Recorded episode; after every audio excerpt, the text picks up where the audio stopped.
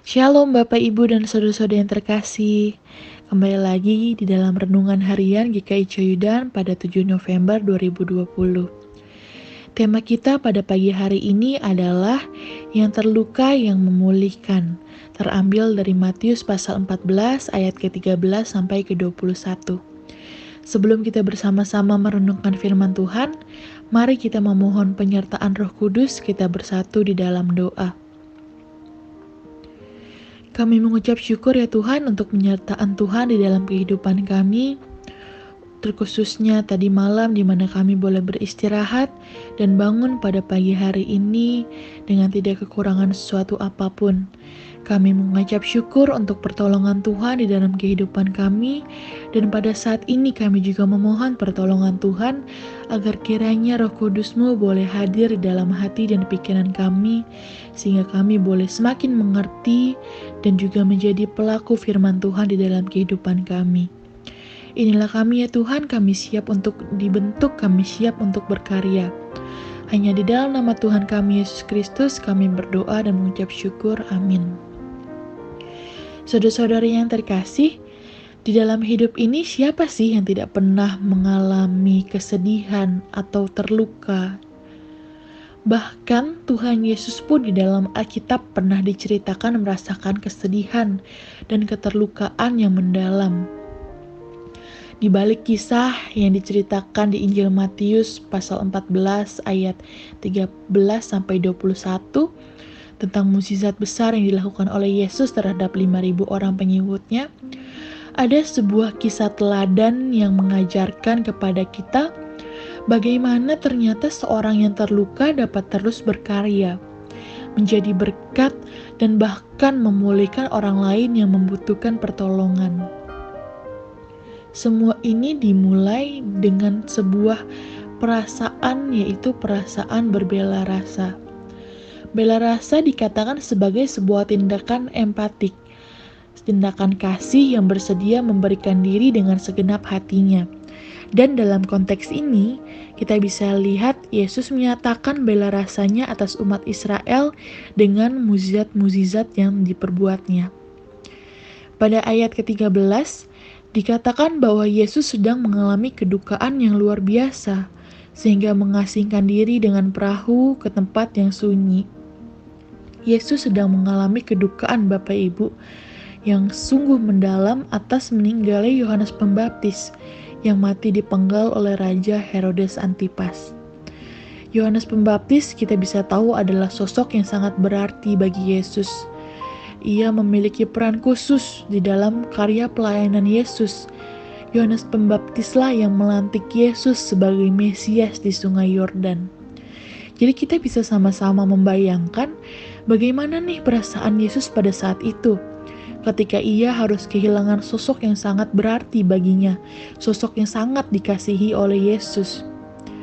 Lebih lagi kedukaan ini semakin mendalam karena Yohanes Pembaptis ini dibunuh dengan cara yang keji, cara yang tidak adil.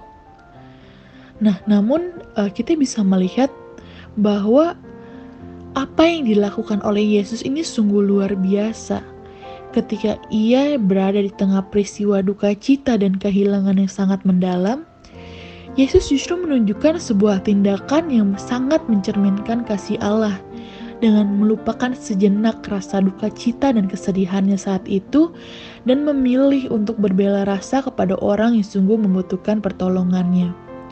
Ketika Yesus mendapati bahwa umat berbondong-bondong pergi mengikuti dia dan mengambil jalan darat dari kota-kota mereka untuk meminta pertolongan dan kesembuhan, di ayat ke-14 dikatakan, maka tergeraklah hatinya oleh belas kasihan dan kepada mereka dan ia menyembuhkan mereka yang sakit Kata belas kasihan menunjukkan empati Yesus yang diwujud nyatakan melalui pertolongan dan pemulihan yang diberikannya. Bahkan hingga dilakukan mukjizat untuk memberi makan mereka semua yang dikatakan jumlahnya uh, kurang lebih 5000 orang. Seringkali ketika kita uh, berada di dalam keadaan berduka, membuat diri kita larut di dalam kesedihan batin hingga hanya berfokus pada luka diri kita sendiri dan lupa bahwa ada orang-orang yang di lingkungan kita yang mungkin saja juga mengalami luka yang sama, atau mungkin terluka lebih dalam dan membutuhkan pertolongan kita. Mengubah perasaan sedih dan duka cita menjadi berbela rasa atau berbelas kasih seperti yang dilakukan Yesus memanglah tidak mudah dan juga memiliki tantangannya tersendiri dalam kehidupan. Perubahan yang pasti membutuhkan kapasitas pengendalian diri dan juga spiritual yang baik untuk melakukannya dan untuk memahami itu semua. Mengapa kita membutuhkan pengendalian diri juga spiritualitas yang baik?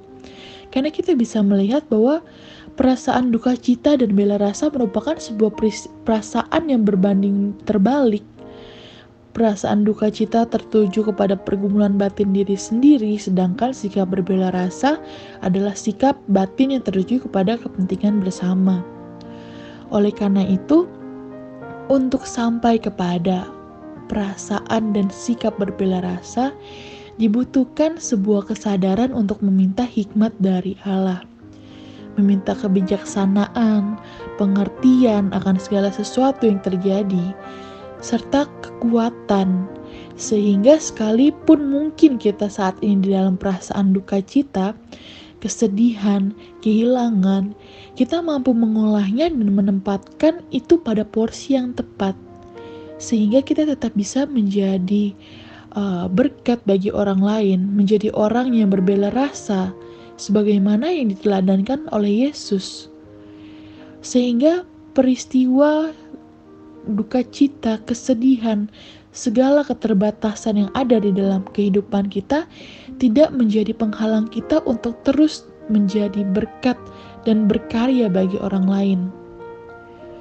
Tuhan tidak ingin bekerja sendirian di dalam karyanya Bapak, Ibu, dan saudara-saudari, melainkan mengajak kita untuk ikut memberikan diri mengambil bagian dalam karya keselamatannya. Sebagaimana Yesus berbela rasa kepada umatnya, kita juga diajak untuk berbela rasa kepada sesama kita yang membutuhkan. Dengan menyembuhkan, kita juga tersembuhkan. Amin. Mari kita bersama-sama berdoa memohon penyertaan dan juga pertolongan Tuhan. Bapa, Sembuhkanlah kami dan ajarkan kami juga untuk dapat bersaksi dan saling menyembuhkan. Biarlah terangmu bersinar sehingga mereka dapat melihat perbuatan baikmu melalui kami umatmu. Amin. Selamat bersaksi dan juga selamat menjadi perpanjangan tangan Tuhan di mana pun kita berada. Biarlah kita boleh bersama-sama saling menyembuhkan sebagaimana juga Yesus telah menyembuhkan kita dan memberikan kita teladan di dalam kehidupan ini. Selamat berkarya Bapak Ibu Saudara-saudari, Tuhan Yesus memberkati.